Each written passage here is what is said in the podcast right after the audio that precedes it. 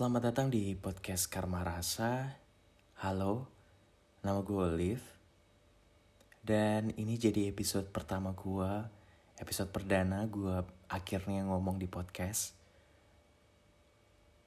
Sebuah prestasi di mana gue udah merencanakan punya podcast ini dari 2019 dan baru bisa gue bikin di 2021. Sebagian mungkin karena emang gue udah pengen, tapi sebagian lagi karena gue punya banyak waktu yang gue udah bingung mau ngapain. Tapi gue punya banyak ide, gue punya banyak cerita, gue punya banyak sudut pandang yang ingin gue bagikan sama orang-orang, tapi gue bingung di mana. Dan akhirnya gue memutuskan untuk bikin podcast karena ada ketakutan tersendiri di mana gue ingin orang-orang melihat gue dari apa yang gue bikin.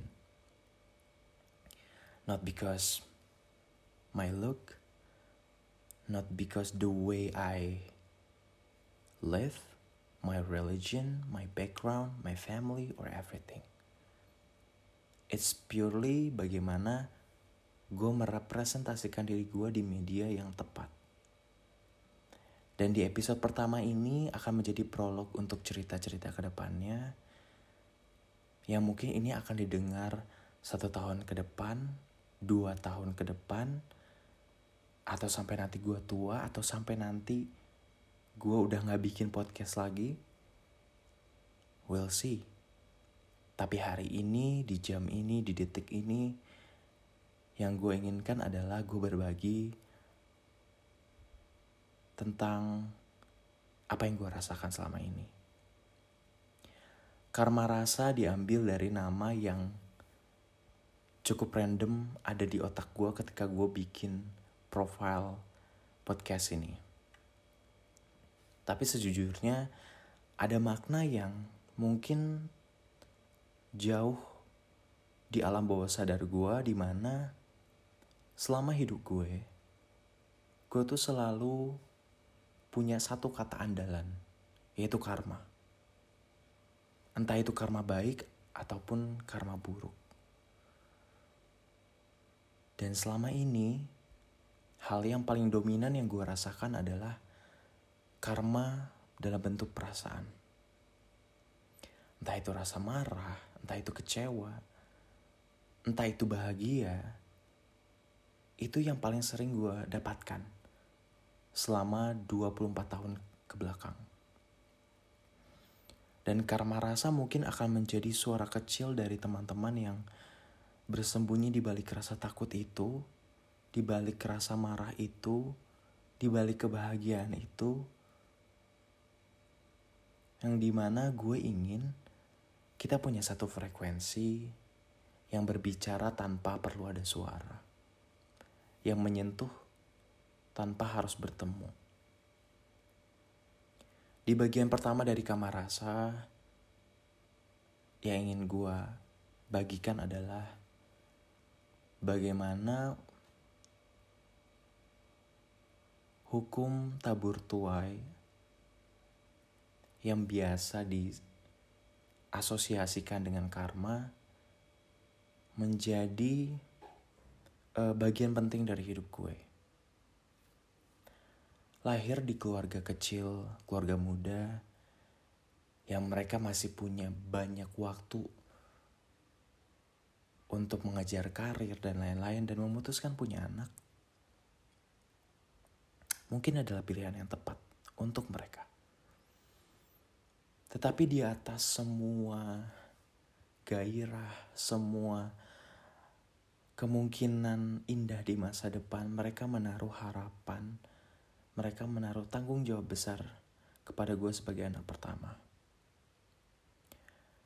Tetapi di ruang yang sangat luas itu, di rumah yang sangat sederhana, gue tidak menemukan ruang di mana gue bisa berbicara. Yang akhirnya gue harus terpaksa membuat ruang gue sendiri di pikiran gue dengan orang-orang imajinatif, dengan memori-memori imajinatif yang menemani gue selama gue bertumbuh. Terkadang gue merasa takut dengan apa yang gue alami pada saat itu. Tapi ketika gue mendalami, ketika gue melihat lagi ke belakang, ternyata perasaan itu adalah perasaan yang nyata, bukan yang dibuat. Rasa takut untuk melihat sosok orang tua sendiri, rasa iba kepada diri sendiri, dan rasa marah kepada orang lain yang kadang itu tidak beralasan sama sekali. Dan anehnya, gue memelihara dan memupuk perasaan itu dari kecil sampai gue lupa kalau itu sudah bertumbuh, mengakar ketika gue dewasa. Dan akar ini tertanam sangat dalam sampai ketika gue memotong atasnya, gue tidak bisa meraih dasar dari emosi yang terkumpul sampai saat ini. Dan ketika gue berpisah dengan orang tua gue, gue pindah ke Bandung untuk kuliah dan bekerja. Akhirnya gue menemukan satu suasana yang nyaman. Dengan atau tanpa mereka, kehadiran mereka, mengapa rasanya sama? Iya, memang mereka sangat penting. Mereka punya andil yang sangat besar. Tetapi dalam hal rasa, dalam hal berbicara, ternyata tinggal sendiri adalah pilihan yang baik. Karena gue tidak harus khawatir untuk menangis, dan mereka tahu gue tidak harus khawatir untuk tertawa, dan mereka bertanya, dan gue tidak harus marah dan mereka marah balik. Punya lingkungan yang sangat pribadi, mungkin adalah jalan terbaik yang pernah Tuhan kasih. Dan gue sendiri bertumbuh dan berkembang sendiri sampai satu titik di mana bahkan antara hidup dan mati gue harus berjuang sendiri. Tanpa orang tua gue tahu, tanpa keluarga gue tahu besar dengan banyak pengalaman, pengalaman yang membahagiakan, menyakitkan, dan bahkan terdengar miris ketika gue dengar. Menjadi kekuatan tersendiri dan pegangan tersendiri untuk gue di hari ini. Gue sudah tidak memikirkan bagaimana masa depan, karena gue sudah berdamai dengan masa lalu.